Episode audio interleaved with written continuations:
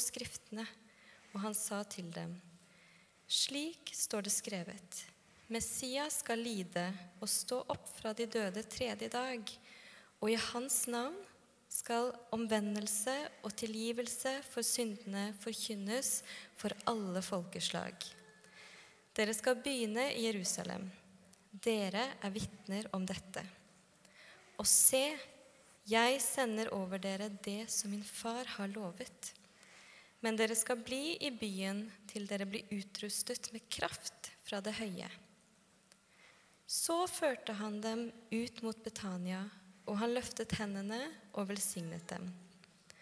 Og mens han velsignet dem, skiltes han fra dem og ble tatt opp til himmelen. Så vendte de tilbake til Jerusalem i stor glede. Siden var de stadig i tempelet og lovpriste Gud. Takk. Du kan bare le. Tusen takk. Jeg har fått noen hjelper i dag, men han andre hjelperen min han tror jeg har glemt eh, litt oppdraget sitt. Jeg ser ikke noe på skjermen, men ja. Det er ikke så veldig farlig. Du, i dag så skal jeg dele noen tanker rundt Kristi himmelfartsdag, og jeg kommer også innom pinsen. Jeg har jo vært privilegert. I år på julaften 2022 så fikk jeg lov å tale her. Og så fikk jeg tale på skjærtorsdag i påsken. Og så skal jeg tale nå denne søndagen her, som er midt mellom Kristi himmelfartsdag og pinse. Og det her er jo store høytider. Og for meg så er det blitt sånn at mer og mer så tror jeg det er viktig å feire disse høytidene og gudstjenestene på søndager. Og det tror jeg vi skal se veldig stort på. Fordi vi er kristne. Fordi det har skjedd noe. Og jeg tror at disse store historiske hendelsene hjelper oss til å få en dypere opplevelse og forståelse for betydningen av dem. Og Derfor så tror jeg at vi igjen og igjen trenger å dykke ned i dem. For det er sånn at det er alltid veldig mye annet som både vil ha tida vår, som vil ha hjertet vårt, som vil ha sinnet vårt. Og Som en parallell til det så syns jeg det var veldig interessant å se på at før kong Josia ble konge i Juda, 640 år før Kristus Da hadde påskefeiringen den hadde gått på sparebluss i veldig mange hundre år. Og det hadde vært en sånn indre sekularisering i Guds folk som gjorde at gudstjenestelivet det hadde helt forfalt. Og befrielsen fra Egypt, fra slaveriet, det ble ikke lenger fortalt og feira. Så nye generasjoner fikk ikke overført den hellige historien. Og det som skjedde i Juda blant jødene, det som skjedde da, når det her ble som det ble, det var at folk begynte å ta inn avgudsbilder i hjemma sine, og også i tempelet. Men kong Josia i sin regjeringstid så får han en sånn oppvåkning for betydningen av det Gud hadde sagt i Toraen. Og det førte til en reformasjon. Så disse avgudsbildene de ble, brent, de ble rensa ut og brent på et bål. Og det ble en sånn fornyelse og en type vekkelse blant jødene. Og det førte til en sånn intensivert studie av Skriften. Og de begynte igjen å feire høytiden, og det ble en sånn revitalisering av gudstjenestelivet. Og så er det sånn at alle ting er jo ferskvare. Så det varte ikke så lenge, for det kom konger etter Josia som ikke ikke levde i det her. Og det hele ender jo med at jødene blir ført i eksil til Babylon. Og så lurer vel du på nå hvorfor i all verden drar du opp det? Du skulle jo snakke om Kristi himmelfartsdag. Jo, det er fordi jeg tror vi kan se litt paralleller inn i vår tid og inn i våre egne liv. Det er ingen selvfølge at den hellige historien går videre til neste generasjon. Jeg tror vi trenger rytme. Vi trenger å feire gudstjenester sånn som vi gjør i dag. Og vi trenger å feire høytidene for ikke å glemme det vanvittig store innholdet som ligger i de høytidene. Og det fantastiske som Jesus har gjort. Det fantastiske da Gud ble menneske, Jesus døde og sto opp igjen, satte seg ved Guds Faders høyre hånd, sendte Den hellige ånd.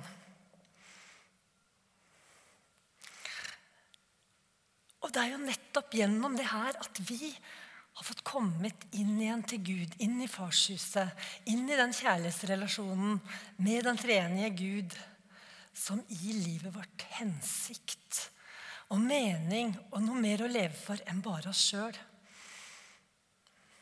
Dette må vi feire. Så det kan gå videre til neste generasjon. Derfor hadde jeg bare lyst til å nevne det, fordi jeg tror alltid vi har noe å lære av historien. Og derfor er Kristi himmelfartsdag langt mer enn en kjærkommen Frida og en halvglemt helligdag for mange. Og for noen kanskje bare en vits som kalles himmelspretten. Men vi som er her i ettermiddag, vi skal fordype oss i det som er selve kronen på verket sammen med pinsen. Så hvorfor er Kristi himmelfartsdag så viktig? På samme måte som det er meningsløst å lage til det lekreste, vanvittige festgourmetmåltidet som ingen vil spise. Er Jesu fødsel og oppstandelse til lite glede for oss hvis ikke det var for Kristi himmelfartsdag og pinsen? En kristen tro uten Kristi himmelfartsdag og pinse er nesten som et politisk parti som vinner, eh, vinner, valget, men aldri kommer i regjeringsposisjon. Eller som en konge som vinner makten, men som aldri havner på tronen. Så hva skjer da på Kristi himmelfartsdag, som er 40 dager etter oppstandelsen, første påskedag og ti dager før pinse? Som jeg sa, så var himmelfarten selve kronen på verket for Jesu gjerning på jorden. Jesus han hadde nå fullført det oppdraget han hadde fått av sin far å gjøre. Og nå setter Jesus seg. Han setter seg ved Faderens høyre side som Herre over alle ting. For alt er fullført. Alt er ferdig. Og det står, det står i Hebreerne 1,3 så står det at det, da han hadde fullført renselsen for våre synder, satte han seg ved majestetens høyre hånd. Og så står det i Filippenserne 2,6-9. For Jesus han var jo i himmelen. Han var jo Guds sønn i himmelen. Og det står at han var i Guds skikkelse, men så det ikke som et rov å være Gud lik men, på, men ga avkall på sitt eget, tok på seg en tjenerskikkelse og ble menneskelik. Da han sto fram som menneske, fornedret han seg selv og ble lydig til døden, ja, døden på korset. Og så står det derfor har Gud også opphøyd ham til det høyeste og gitt ham navnet over alle navn. Jesu himmelfart det innebærer at et menneske, en av vår ett, nå sitter ved Faderens høyre side. Jesus forblir fullt og helt menneske når han vender tilbake til Faderen. Og det sier jo Stefanus, den første martyr, når han blir steina, så sier han til de som er rundt, så sier han Nå ser jeg menneskesønnen stå ved Guds høyre hånd. Derfor så er Kristi himmelfartsdag feiring av den dagen da himmelen åpnes for menneskeheten. Det skillet og den kløften som har vært mellom Gud og menneske, den er nå gjenoppretta. Jesus han hadde bana en ny og levende vei for oss. En bro som var han selv like inn i himmelen. Gjennom den prisen han betalte og fullførte. Og det var bare han og ingen andre som kunne gjøre det. Veien er åpen. Veien inn er klarert, og Jesus han er selve veien. Og Derfor så kan jo Paulus også skrive da, i Efeserne 2,6 så står det at eh, i Kristus Jesus har han reist oss opp fra døden og satt oss i himmelen sammen med ham. Når vi tar imot Jesus, så plasseres du og jeg sammen med Jesus i himmelen mens vi er her på jorda. Hvilken fantastisk realitet er ikke det? Og det vi kan slå fast etter det Jesus fullførte, og han satte seg ved Faderens høyre hånd, Kristi himmelfartsdag, er at nå er det ingen over Jesus. Vi leste nettopp at han, han har fått navnet over alle andre navn. Han er kongenes konge. Han er herrenes herre. Han har gitt all makt i himmel og på jord. Han har knust den åndes makt. Dette er den Jesus som inviterer deg og meg til seg. Og vet dere hva? Jesus er nå der vi trenger han aller mest. Og nå fullbyrdes de ordene som står i Matteus. Jeg har fått all makt i himmelen og på jorden. Jesu altomfattende autoritet er grunnlaget for Kirken og Kirkens oppdrag. Gå derfor ut og gjør alle folkeslag til disipler. Og Jesus han visste før han gikk til korset, hva denne seieren ville bety for deg og meg. Derfor så tror jeg Jesus i sin siste tale til disiplene før han gikk til korset, lengta etter å fortelle dem hva hans død og oppstandelse og himmelfart ville innebære. Og I påska så leste vi snakka vi også akkurat om det her. For at det, Jesus han forespeiler i Johannes 14, 15, 16 og 17 det disiplene seinere skulle erfare, og som vi kan erfare i dag. Og nå Nå vil jeg fortelle deg som har hørt det før. Og jeg vil fortelle deg som kanskje har glemt det. Og jeg forteller deg som aldri har hørt det. Hva er konsekvensene av Jesu himmelfart og pinse for deg og meg i dag? Skal vi se om vi klarer å få med her. Jo Jeg sa Jesus han har satt seg i himmelen. Og han sitter ikke bare der. Vet du hva? Noe som jeg, synes, som jeg hadde lyst til å nevne aller først. Av alt, og det er jo så mye man kan ta og si om akkurat det her. Men jeg har så lyst til å nevne for deg, for det er så oppmuntrende. Vet du hva? Jesus, han er i himmelen, Den hellige ånd og Jesus.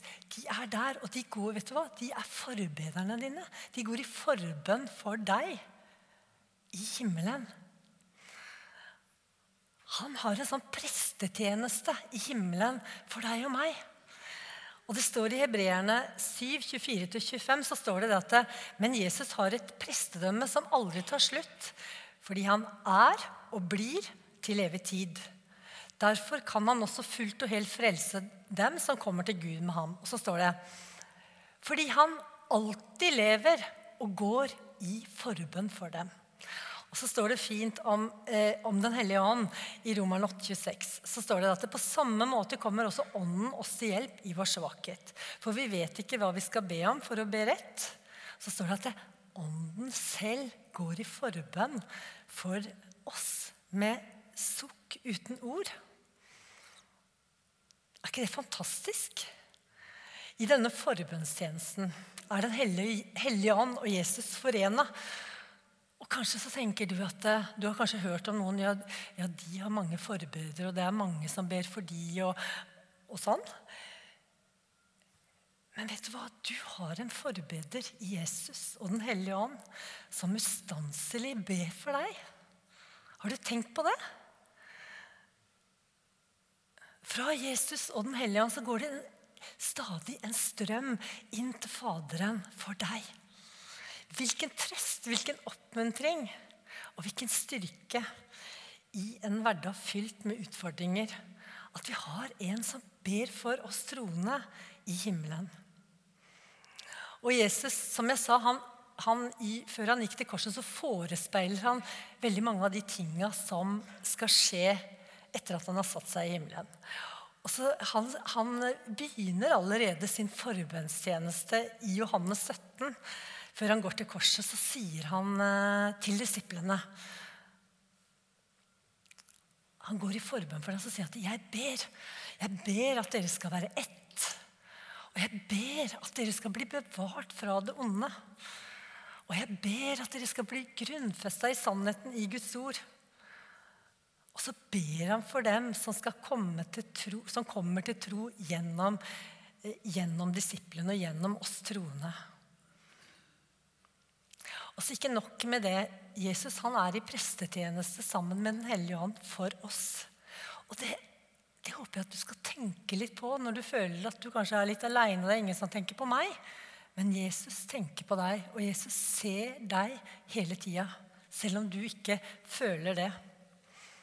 Men så tror jeg også at Jesus i denne tjenesten også, og Den hellige ånd hjelper oss og lærer oss å be. For Jesu mål er jo at vi skal bli lik han. Så samtidig som Jesus ber for oss, så står det i Bibelen at vi er også blitt gjort til prester. Gjort til et sånt presteskap som kan gå i forbønn for andre mennesker. Og det er så fint at vi blir bedt for, og vi kan be for andre. Jesus sitter der i himmelen og ber for deg. Han ser deg. Han ser hva du trenger. Han vet alt om deg. Du er omslutta av hans bønner. Men ikke nok med det. Som nummer to her så har jeg satt. Jesus, han kommer til oss, og han blir i oss da Den hellige ånd blir sendt til oss i pinsen. Og Det er jo også dette Jesus sier før han går til korset i Johannes 15. Han sier at dere skal ikke bli grepet av angst. For jeg går bort, og jeg gjør i stand et sted for dere. Og når jeg har gjort i stand det stedet, så kommer jeg tilbake til dere og tar dere til meg, så dere kan være der hvor jeg er. Så forteller han om talsmannen, Den hellige ånd, som Faderen vil sende etter at Jesus har fullført sitt oppdrag og tatt plass ved Faderens høyre hånd.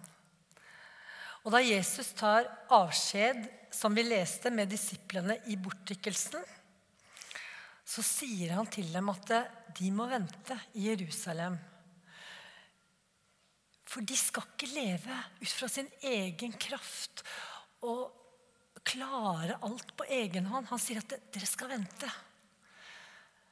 For dere skal få hjelp, og dere skal få kraft når Den hellige ånd blir kjent og kommer til dere.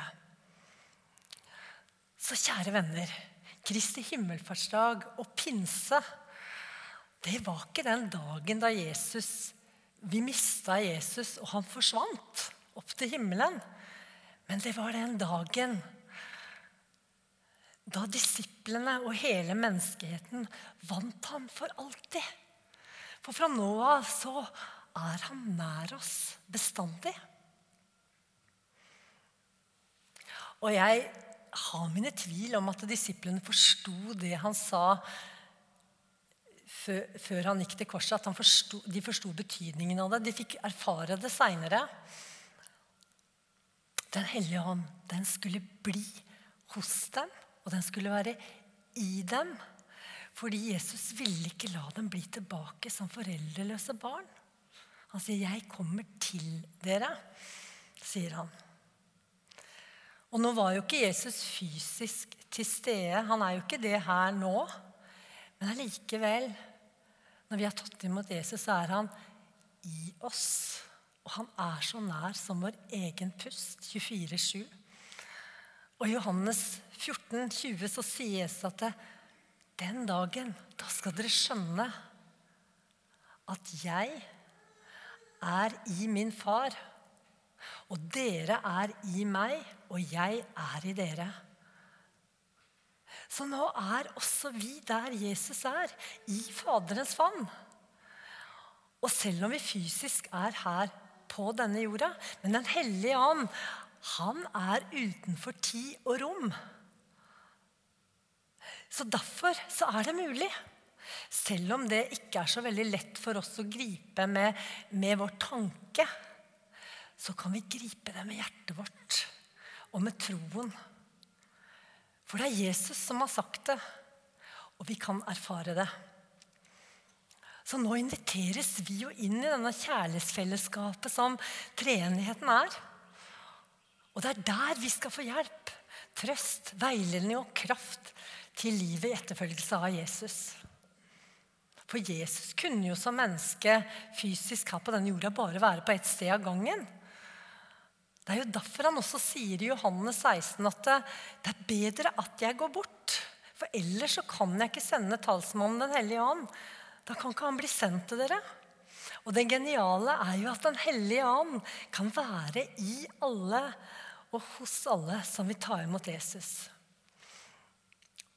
Og så tror jeg jo mer vi åpner opp for hans nærvær og fylles av ham, jo mer tror jeg Jesus blir synlig for oss og for andre.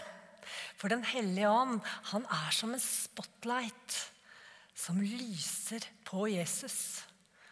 For å herliggjøre, vise oss hvor nydelig Jesus er, hvor fantastisk han er. Og også åpner han Bibelens ord for oss, så vi kan forstå det han sier. Og så vil han minne oss vil han heller minne oss også om alt det Jesus har sagt. Og jeg tror at det han først og fremst vil si oss, er at du er elsket. Jeg ber for deg. Jeg kjenner deg. Jeg ser deg. Jeg kommer og vil leve i deg veilede deg, gi deg kraft. Jeg er hos deg alltid. For uten Den hellige ånd, som er livgiveren, som får alle ting til å blomstre og skje i våre liv og rundt oss, kan Bibelen bare bli Uten det så kan Bibelen bare bli ord og Kirken bare en organisasjon. Men når Den hellige ånd får komme, så blir Bibelen levende. Og mat for oss og kirken, den blir en levende organisme som gjør at vi og andre kan få se Jesus med hjertet vårt. Og det tror jeg Gud vil at vi skal erfare. At ikke det her bare er noe man eh, snakker om, men at det skal bli en virkelighet i våre liv. Og Derfor har jeg lyst til å har jeg et sånt punkt her som jeg sier hvordan kan, til, hvordan kan vi tilegne oss det her? I mitt, hvordan kan jeg tilegne meg det i mitt liv i dag? Det er jo, det er jo veldig mange ting i livet vi ikke kan velge. Eh, eksempel så kan vi ikke velge hvor vi ble født. Vi kan ikke velge foreldrene våre, vi kan ikke velge genene våre. Og vi kan ikke velge alle omstendighetene våre heller. Det er en del vi ikke har kontroll på. Og I tillegg så er det jo sånn at det, det er jo ikke alle ting som er tilgjengelig for alle. Og selv om jeg vil tro at det, kanskje spesielt særlig mange gutter som er fotballinteresserte. Jeg er sikker på at mange kunne tenke seg å vært en like god fotballspiller som Erling Braut Haaland. Men det er jo dessverre sånn at det, det er ikke alle som kan tilegne seg det og bli det, selv om man ønsker det aldri så mye. Det kan vi vel være enige om. Men det som er nydelig med evangeliet, er at det finnes noe som er tilgjengelig for alle. Det er ikke sånn at for evangeliet så må du være spesielt kvalifisert. Som Håvard snakka så fint om det her med å være kvalifisert, at Gud kvalifiserer oss. Det var kjempeflott. Så jeg tenkte på det ordet ut fra den talen der. Det er ikke sånn at du må være spesielt kvalifisert for å ta imot det Jesus har gjort. For det Jesus er og har gjort, er ikke for noen spesielle men for alle. Men det som er med det, er at du må ville ta imot det.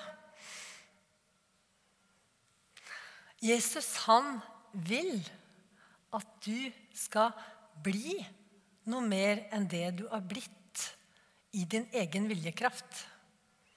Det var jo derfor disiplene måtte vente til Den hellige ånd skulle komme. For de skulle ikke ut på oppdrag på egen hånd. De skulle vente til de fikk en hjelper, en kraft i livet som kunne kvalifisere dem for det livet de skulle leve, og til det de skulle gjøre. Så hva var det de skulle bli? Jo, vet du hva de skulle bli? De skulle bli i Jesus. Det var jo nettopp det Jesus snakka om i Johannes 15 før han gikk til korset. Om vintre og greinene. Han er vintreet vi, som vi grener er kobla på. Greinen den vokser ut fra vintreet. Og der lever den og vokser, og når tida er inne, så bærer den frukt. Og greinen har ikke ansvar har noe annet ansvar enn å ta imot vann og næring fra stammen og roten. Og dette er jo et bilde som hjelper oss å forstå at hvis,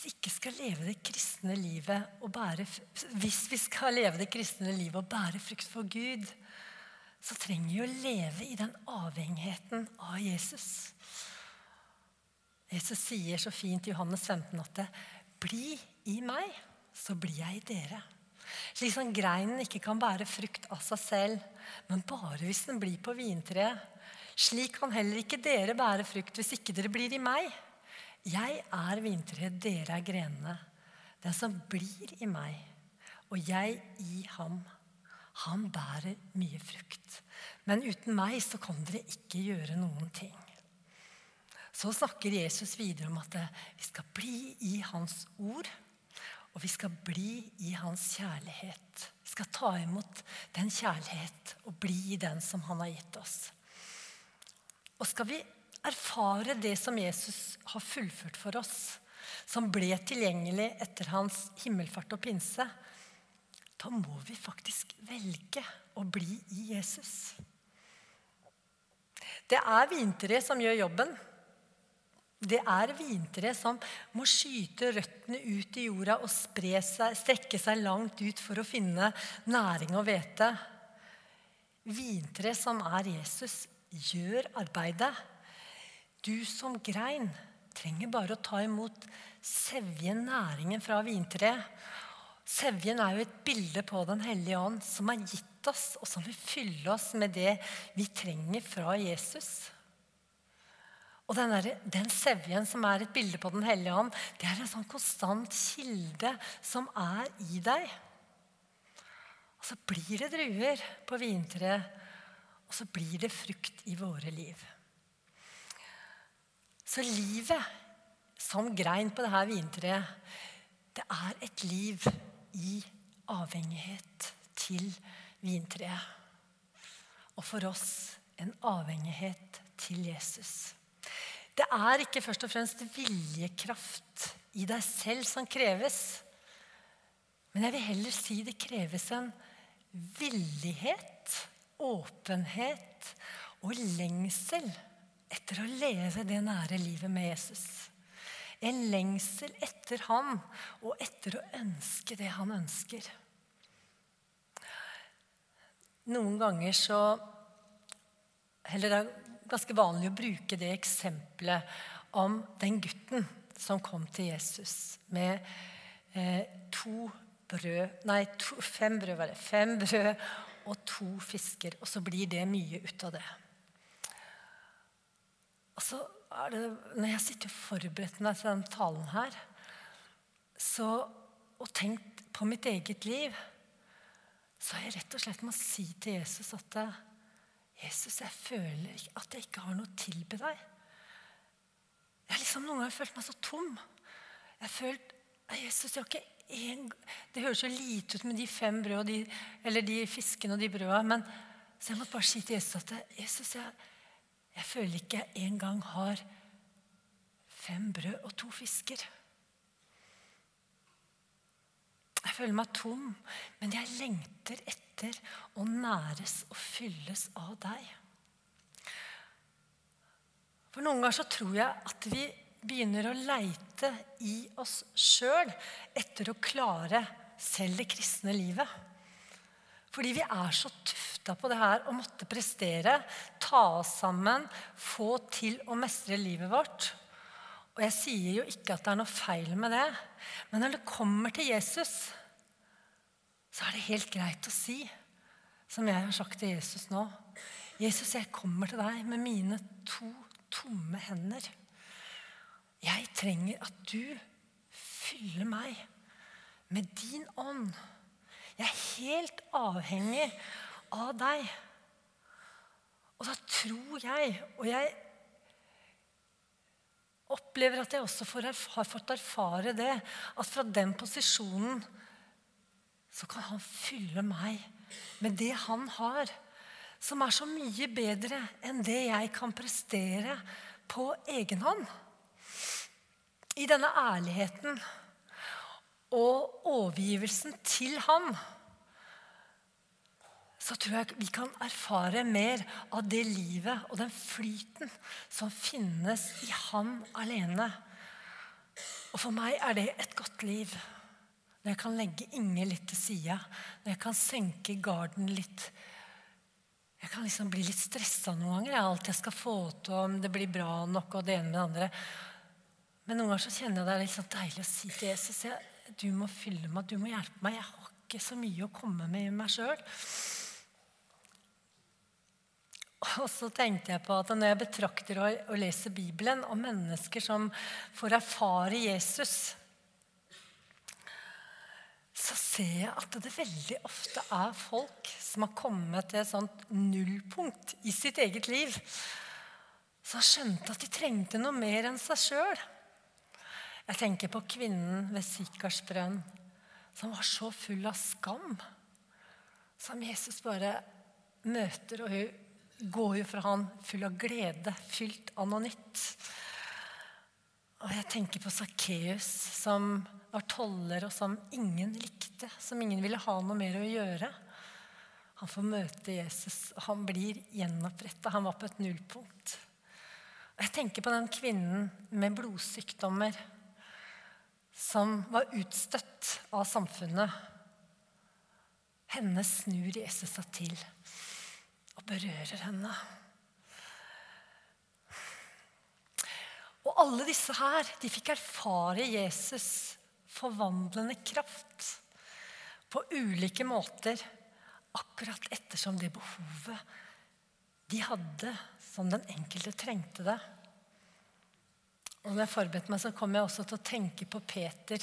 Jeg snakka jo om ham på skjærtorsdag òg. Peter, disippelen til Jesus, som han var jo litt brauten og litt stor i ord og litt høy på seg sjøl. Og han lovte Jesus det ene og det andre, men han svikta jo helt totalt når det gjaldt. Og når Jesus møter Peter igjen på stranda etter oppstandelsen, så er det en mer ydmyk Peter vi får møte. Og når Jesus utfordrer Peter og spør elsker du meg, Peter, så er det ikke liksom de her svulstige orda som Peter tar i sin munn. Han er mer ydmyk. Og han sier til Jesus, 'Jesus, du vet jo alt.'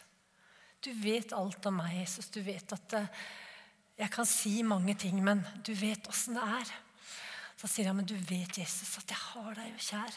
Jeg vil være sammen med deg. Jeg vil være hos deg. Og så skjer det en sånn gjenopprettelse i Peter. Og så får han et oppdrag. Og så kan vi lese videre i Apostlenes gjerninger hvordan, hvordan Peter på pinsedag blir fylt med Den hellige ånd. Og han får en ny frimodighet som ikke har så veldig mye med han sjøl å gjøre, men som har aleine med Guds ånd i han å gjøre.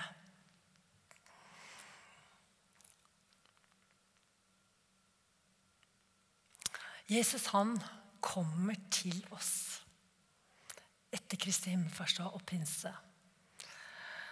Og vi som har tatt imot ham, vi er nå blitt et hus, et tempel, for Den hellige ånd. Men for at det skal erfares i våre liv, må vi leve i bevisstheten på at det her er sant. Og da trenger vi, tror jeg, vi trenger å feire disse høytidene. Vi trenger å være på gudstjeneste. Vi trenger å, å pleie fellesskapet med Gud og med hverandre. Vi trenger å feire nattverd. Vi trenger å til, ta til oss av Guds ord. Og vi trenger å være sammen med Gud i bønn. Og sist, men ikke minst, så tror jeg at vi kan møte Gud gjennom å tjene og gjøre godt. Jesus sjøl sier jo at 'det dere har gjort mot en av mine minste, har dere gjort mot meg'.